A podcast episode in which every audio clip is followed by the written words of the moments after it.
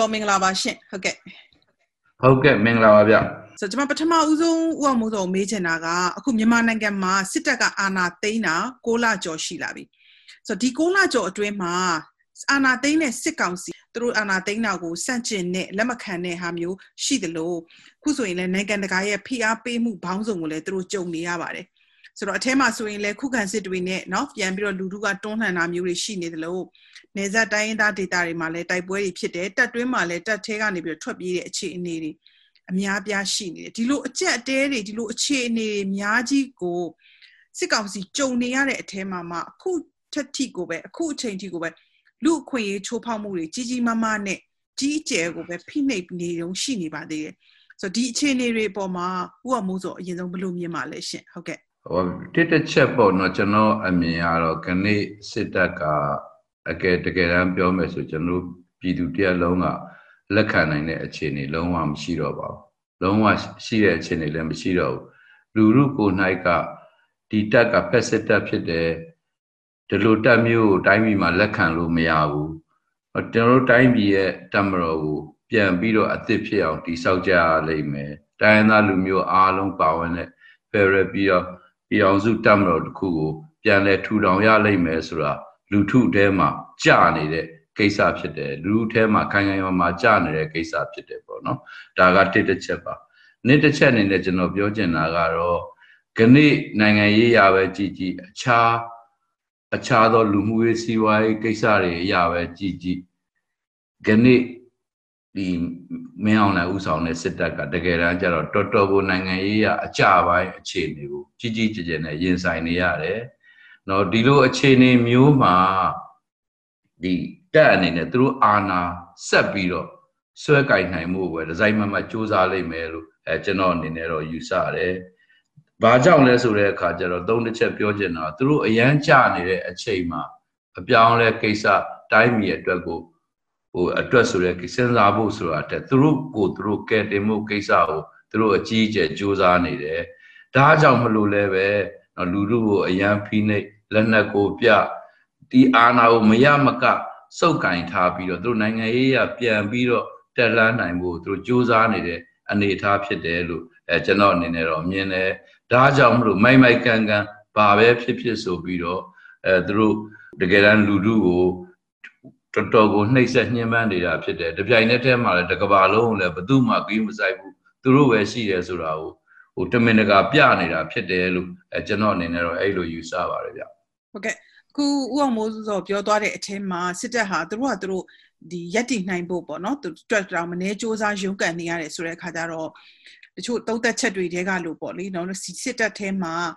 အာနာသိန်းနာမျိုးဟာလာတက်တွင်းမှာပဲဒီလိုဆက်သွားရင်မရနိုင်ဘူးဆိုတဲ့အမြင်မျိုးရှိလာနိုင်တဲ့အနေအထားမျိုးတွေရောရှိလာနိုင်တယ်လို့ဥအောင်မို့ဆိုသုံးသက်ပါလားရှင်ဒီတက်ထဲမှာတော့အမြင်အမျိုးမျိုးကွဲပြားနေမှုပေါ့ရှိနိုင်တယ်လို့ကျွန်တော်တို့အဲ့လိုယူဆပါတယ်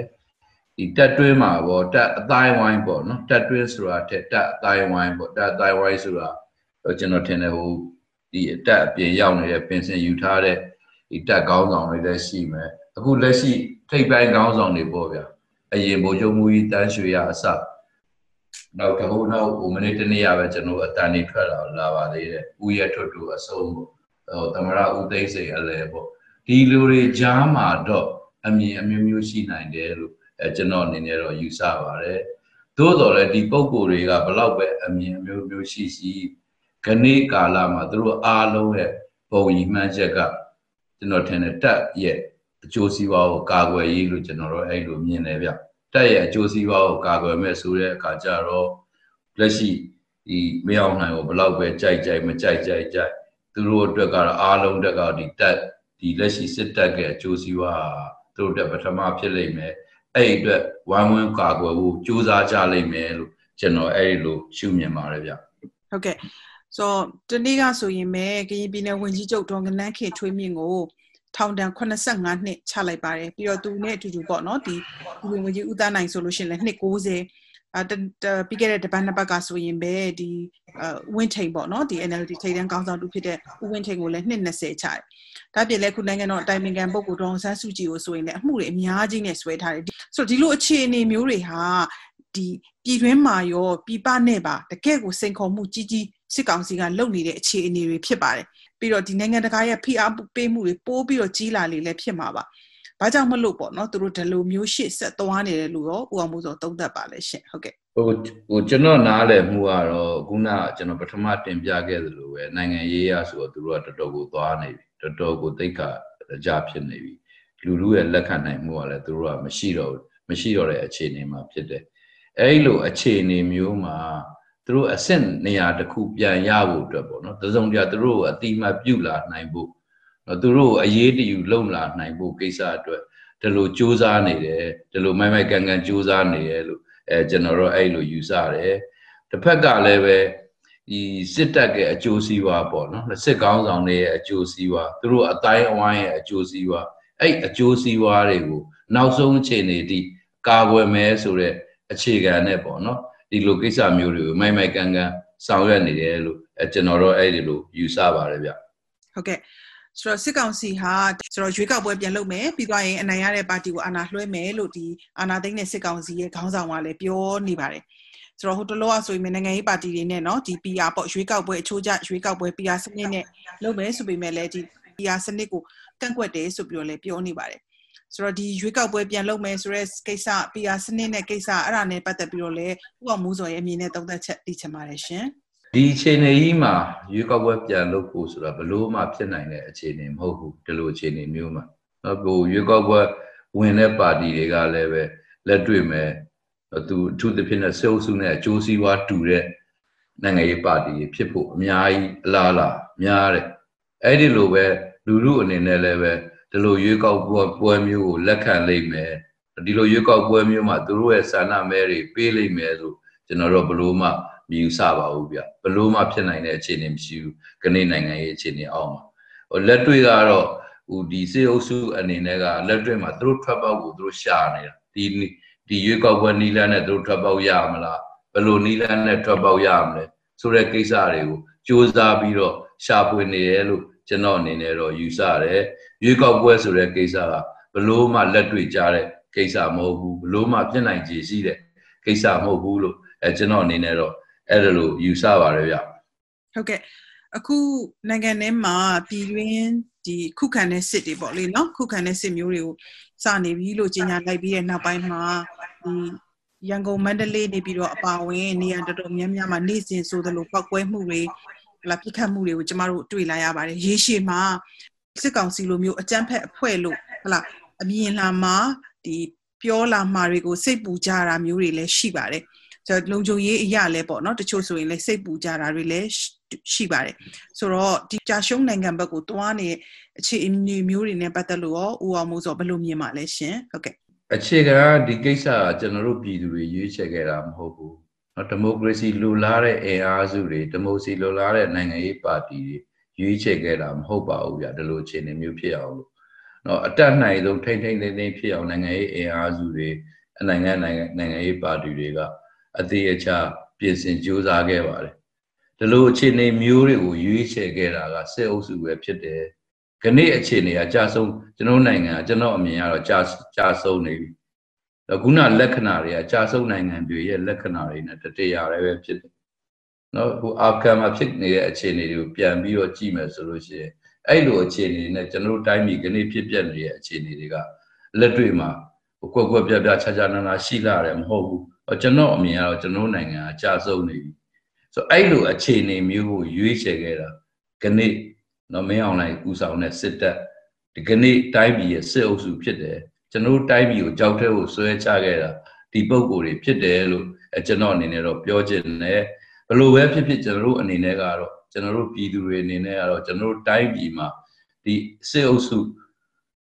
မရှိမှကျွန်တော်တို့တိုင်းပြည်ကိုပြန်တည်ဆောက်နိုင်မယ်ဆိုတော့အခြေအနေမျိုးနဲ့ကျွန်တော်တို့ဟိုရည်မှန်းပြီးတော့ကျွန်တော်တို့စူးစမ်းကြရမှာတိုင်းပြည်ကိုမဖြစ်ဖြစ်အောင်တော့တကယ်ကိုတည်တည်ငြိမ်ငြိမ်ဖြစ်အောင်မဖြစ်ဖြစ်အောင်ပြန်ပြီးတော့တည်ဆောက်ဖို့ကျွန်တော်တို့စူးစမ်းကြရလိမ့်မယ်လို့အဲကျွန်တော်တို့အဲ့ဒါလိုယူဆပါတယ်ဗျဟုတ်ကဲ့နိုင်ငံတကာရဲ့ဝိုင်းဝန်းကူညီမှုပေါ့အထူးသဖြင့်တော့အာဆီယံ အာဝိုင်းဝန်းကူညီမှုဟလာအမေရိကုလသမဂ္ဂရဲ့ဝိုင်းဝန်းကူညီမှုအမေရိကန်ရဲ့ဖိအားပေးမှုတွေနဲ့ပတ်သက်လို့ရောတိုက်တွန်းမှုတွေရေးယူမှုတွေရှိလာပြီလို့ရောဥအောင်မိုးစောတုံ့သက်ပါလားရှင်ဟုတ်ကဲ့နှိုင်းရှည်မှုရတော့အများကြီးကောင်းပါတယ်နိုင်ငံတကာရဲ့ကျွန်တော်တို့ပြည်သူတွေပေါ်စာနာမှုနိုင်ငံတကာရဲ့ကျွန်တော်တို့ဒီမိုစီလှုပ်ရှားမှုပေါ်မှာထောက်ခံပံ့ပိုးမှုကအများကြီးတော့ကောင်းလာတယ်လို့အများကြီးတိုးတက်လာတယ်အများကြီးကောင်းတယ်အားရစရာကောင်းပါတယ်လို့ကျွန်တော်အနေနဲ့ပြောချင်တယ် သို့တော်လည်းပဲကျွန်တော်တို့တိုင်းပြည်ကိစ္စကိုကမ္ဘာနိုင်ငံကြီးတွေကအာဆီယံလက်ထက်ကိုပုံအပ်ထားတာတော့ကျွန်တော်သိပြီးတော့မနှိမ့်မြို့လာဘူးဗျ။ဟိုမတင်တီတို့လည်းသိမယ်အာဆီယံမူ၅ချက်ဆိုတာကဟိုလက်တွေ့မှာကကျွန်တော်တို့တိုင်းပြည်ကပြည်တွေကနေတောင်းဆိုနေတာ ਨੇ တော်တော်လေးကိုခြားခြားနာနာရှိတယ်။ဆိုတော့ကမ္ဘာနိုင်ငံအသီးသီးအနေနဲ့နော်အမေရိကန်ပြည်ထောင်စုအနေနဲ့ပဲဖြစ်ဖြစ်ကျွန်တော်တို့အိန္ဒိယနိုင်ငံကြီးတွေအနေနဲ့ပဲဖြစ်ဖြစ်ကျွန်တော်တို့တိုင်းပြည် တည်တည်ငြိမ်ငြိမ်ဖြစ်ဖို့ကျွန်တော်တို့တိုင်းပြည်တကယ်ပဲပုံမှန်နိုင်ငံရေးအခြေအနေတွေကိုပြန်ရောက်နိုင်ဖို့ပြည်သူလူထုရဲ့ဘဝမျှော်လင့်ချက်တွေပြန်ပြီးတော့ပွင့်လင်းလာဖို့ကိစ္စမှာတော့ကမ္ဘာနိုင်ငံကြီးတွေအနေနဲ့တိတက်ပို့ပြီးတော့အာယုံစိုက်တဲ့နဲ့တိတက်ပို့ပြီးတော့စူးစမ်းဆောင်ရွက်တဲ့နဲ့လို့အဲကျွန်တော်အနေနဲ့တော့အဲ့လိုရှုမြင်ပါတယ်ကျွန်တော်တို့တိုင်းပြည်ပြဿနာကိုအာဆီယံလက်ထဲကိုပုံအပ်ထားတဲ့ကိစ္စကတော့ကျွန်တော်သိမနှိမ့်မြို့ပါဘူးဗျ ဟုတ်ကဲ့18ဟလာဒါအာနာသိမ့်မှုကျမတို့နှစ်20ကျော်နှစ်30နီးပါးရုန်းကန်ပြီးတော့ဟလာဒါလူထုရဲ့ရွေးစစ်မှန်တဲ့ရွေးချယ်တင်မြှောက်တဲ့အစိုးရတရားအုပ်ချုပ်9နှစ်ပဲအုပ်ချုပ်ခဲ့ရတယ်တခါစစ်တပ်က2021မှာအာဏာပြန်သိမ်းခဲ့တယ်အဲ့တော့88အာဏာသိမ်းတာနဲ့2021အာဏာသိမ်းတာနှစ်ခုပေါ်မှာဘလို့အခြေအနေကွာခြားချက်တွေရှိသလဲဆိုတာကိုဦးအောင်မိုးဆိုရဲ့တုံ့သက်ချက်သိချင်ပါတယ်အထူးသဖြင့်တော့ပြည်သူအာဏာပြည်သူလက်ထဲကိုပြန်ရောက်ဖို့အတွက် ဥပမာအချိန်ရောဘလောက်ကြာအောင်မယ်လို့အဲ့ဒါဘလောက်ကြာကြာရုန်းကန်ရဖို့တွေလိုအောင်မယ်လို့ရောသုံးသပ်ပါလဲရှင်ဟုတ်ကဲ့ဒီအာနာသိမ်းမှုနှစ်ခုမှာတော့ပေါ့ဗျာအာနာသိမ်းမှုနှစ်ခုမှာတော့1988တုန်းကသိမ်းတာရှိတယ်လက်ရှိသိမ်းတာရှိတယ်ပေါ့နော်လက်ရှိသိမ်းတာကကျွန်တော်တို့အတွေ့အကြုံရဆိုပို့ပြီးတော့ရက်ဆက်တယ်ပို့ပြီးကြမ်းကြုတ်တယ်ဆိုတော့အဲ့ဒါကတော့တော်တော်ကိုထင်ထင်ရှားရှားဖြစ်တော်တော်ထင်ထင်ရှားဖြစ်တယ်နောက်နောက်ဒုတိယအပိုင်းကလည်းပြည်သူလူထုရဲ့ခုခံမှုကလည်းပဲ ခဏပွဲကပို့ပြီးပြင်းထန်တယ်လို့ကျွန်တော်မြင်တယ်ခဏပွဲကပို့ပြီးတော့ဒီလူအဖွဲ့အစည်းတွေမှာရှိတဲ့အလွှာစုံတယ်လို့ကျွန်တော်တော့အဲ့လိုယူဆတယ်လူအဖွဲ့အစည်းတစ်ခုလုံးလို့ကျွန်တော်တို့အဲ့လိုယူဆတယ်ဟိုအောက်ခြေအေလူရန်စားတွေရောလူလက်တန်းစားတွေရောပညာတတ်တွေရောနော်ဟိုတထေးတကြွယ်တွေရောတနိုင်ငံလုံးကလူအဖွဲ့အစည်းတွင်းမှာရှိတဲ့လူဒန်းစားအစုံကပါပြီးတော့ ဟိုစကျင်တဲ့ပွဲဒီအာနာသိမှုဒီမင်းအောင်နိုင်စေအုပ်စုကိုလုံးလုံးမလို့ကျင်တော့ဘူးဆိုတော့ထုတ်ဖော်ပြသတဲ့ကနေ့ပွဲလို့ကျွန်တော်တို့အဲ့လိုမြင်တယ်ကနေ့လှုပ်ရှားမှုကြီးကပို့ပြီးတော့အလွှာဆုံးအလွှာဆုံးနဲ့ဟိုအလူဖွဲ့စည်းတစ်ခုလုံးလက္ခဏာဆောင်တယ်လို့ကျွန်တော်အဲ့လိုမြင်ပါတယ်တပြိုင်နက်တည်းမှာလည်းပဲလူလူရဲ့ပိုင်းဖြတ်မှုပေါ့အထူးသဖြင့်လူငယ်တွေရဲ့ပိုင်းဖြတ်မှုက အတော်တော်ကိုခိုင်ခိုင်မာမာရှိရလို့ကျွန်တော်မြင်တယ်နှိမ့်ဆက်နေရကိုမသိသိရနေစဉ်နဲ့အများဖန်ဆီးခံရတဲ့လူတွေစစ်ကြောရေးတော့ရောက်လာမရောက်လာမသိဘူးစစ်ကြောရေးမှာလည်းကလေးတွေကိုနှိမ့်ဆက်လိုက်တာဒါပဲဒါပေမဲ့ဒီကလေးတွေဒီလူငယ်တွေဒီပြည်သူတွေကဒီစစ်အုပ်စုမရှိမှငါတို့တိုင်းပြည်ကောင်းစားမယ်ဒီအုပ်စုဒီစစ်အုပ်စုမရှိအောင်ဆောင်ရွက်ကြရလိမ့်မယ်ဆိုတာပိုင်းဖြတ်မှုကတော်တော်ခိုင်ခိုင်မာမာ ရှိနေတာကိုကျွန်တော်အာအာတကြီးပေါ့နော်ဟိုတကယ်ကိုဟိုကျွန်တော်တို့နေ့စဉ်နဲ့အမျှကြုံတွေ့နေရတကယ်ဝမ်းနဲ့ပက်လက်ပါပဲဟောတကယ်ကြုံတွေ့နေကြရတာဖြစ်တဲ့အနှိမ့်ဆက်ကအညင်မှန်ခံအဖမ်းဆီးခံပြီးတော့နီလန်ပေါတရံပေါင်းစုံနဲ့ဒီဒီစေအုပ်စုကိုတော့ဖယ်ရှားဖို့ကြိုးစားနေကြတာကျွန်တော်တို့ကနေနေ့စဉ်နဲ့အမျှတွေ့နေကြရတာဖြစ်ပါတယ်ဆိုတော့အဲ့ဒါကတော့တော်တော်ကိုပဲထူးခြားတယ်ပေါ့နော် ထူးခြားတဲ့အခြေအနေဖြစ်တယ်ပေါ့နော်ဒါတစ်ချက်ပေါ့ဒုတိယတစ်ချက်ကကျွန်တော်တို့တောက်လျှောက်ပြောပြောနေတဲ့ကျွန်တော်တို့ Federal ပြည်တော်စုတောက်လျှောက်ပြောပြောနေတဲ့ဒီအမျိုးသားသွေးစည်းညီညွတ်မှုပေါ့နော်ဒီစစ်အုပ်စုသာဖယ်လိုက်မယ်ဆိုရင်ကျွန်တော်တို့တိုင်းပြည်ထဲမှာရှိတဲ့နော်လူမျိုးစုံပြည်သူတွေရဲ့ဂျားဂျားမှာရှိတဲ့ယဉ်ကျေးမှုရှစ်ခင်မှုနားလည်မှုနဲ့ကျွန်တော်တို့တိုင်းပြည်ကတကယ်ပဲဟိုစီလုံးညီညွတ်မှုကိုအမှန်တကယ်ပဲကျွန်တော်တို့သေချာတိဆောက်နိုင်လိမ့်မယ်ဆိုတာ ခဏပွဲကြီးอ่ะပေါ့เนาะခဏဒီတော်လိုင်းလှုပ်ရှားမှုကြီးကထင်ထင်ရှားရှားပြနေတယ်ထင်ထင်ရှားရှားပြောနေတယ်လို့အဲကျွန်တော်တို့အဲ့လိုပြောချင်ပါတယ်ဗျဟုတ်ကဲ့ဆိုတော့အချိန်အတိုင်းတာရအတိအကျမဆုံးဖြတ်နိုင်ပေမဲ့လည်း ဥပမာဘလောက်ထိလောက်တော့ကျမတို့ရုန်းကန်ဖို့ဟလာလမ်းကြောင်းပေါ်ပြန်ရောက်ဖို့အတွက်ဘလောက်ထိလောက်အချိန်ယူရအောင်မယ်လို့ရောသုံးသပ်လို့ရမလဲခံမှန်းလို့ရမလဲရှင်ဟုတ်ကဲ့အချိန်အချိန်ခါကတော့ပြောဖို့ခက်ပါတယ်အချိန်ခါကတော့ပြောဖို့ခက်ပါတယ်တစ်နှစ်လားနှစ်နှစ်လားသုံးနှစ်လားအဲ့ဒါကတော့ပြောဖို့ခက်ပါတယ်လက်ရှိ6လတော့ကြာခဲ့ပြီပေါ့နော်6လ10လတစ်နှစ်နီးပါးကြာခဲ့ပြီလို့ဆိုကြပါစို့သို့တော်လည်းဒီတစ်နှစ်နီးပါးအာအတွင်းမှာပဲကျွန်တော်နိုင်ငံရေးအရာရှိမှုတွေကျွန်တော်ချင်းကြားသွေးစည်းညီညွတ်မှုတွေက အများကြီးကိုတိုးတက်ခဲ့တယ်လို့ကျွန်တော်အနေနဲ့ပြောချင်တယ်ဒေါ်လာရေးတစ်ခုဆင်နွှဲနိုင်မှုဒီလှုပ်ရှားမှုကြီးအောင်မြင်ဖို့ဆိုတဲ့ကိစ္စက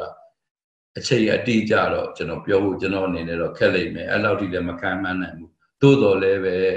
ကျွန်တော်မြင်နေရတဲ့ကနေ့လူလူအတွင်းမှာရှိတဲ့ပိုင်ပြတ်မှုကတော့ဒီစစ်အုပ်စုကိုလိုကိုမလိုချင်တော့ဘူးဒီစစ်အုပ်စုမရှိမှငါတို့တိုင်းပြည်ตายရမယ်ငါတို့တိုင်းပြည်လှပမယ်ဆိုတာကတော့ကျွန်တော်တို့ပြည်သူလူအတွင်းမှာတကယ်ကြနေတယ် အဲ့အတွက်လည်းပဲတကယ်ပြည်သူအများစုကြီးကဒီပေါ်မှာဝိုင်းဝန်းပြီးတော့ဆောင်ရွက်နေကြပါတယ်လို့ကျွန်တော်အဲ့လိုမြင်တယ်ဒီအတွက်ပေါ့နော်အနေနဲ့အမြန်ဆိုလိုပဲဒီလူတွေမြန်မြန်ဆန်ဆန်ပဲနိုင်ငံရေးဇက်ကုံကစဉ်းစားရလိမ့်မယ်လို့ကျွန်တော်တို့အဲ့လိုယူဆပါတယ်ဗျဟုတ်ကဲ့ဥအောင်မိုးစောရှင်အခုလိုမြစ်စမသတင်းဌာနကိုအင်တာဗျူးပေးတဲ့အတွက်ကျေးဇူးအများကြီးတင်ပါတယ်ရှင်ဟုတ်ကဲ့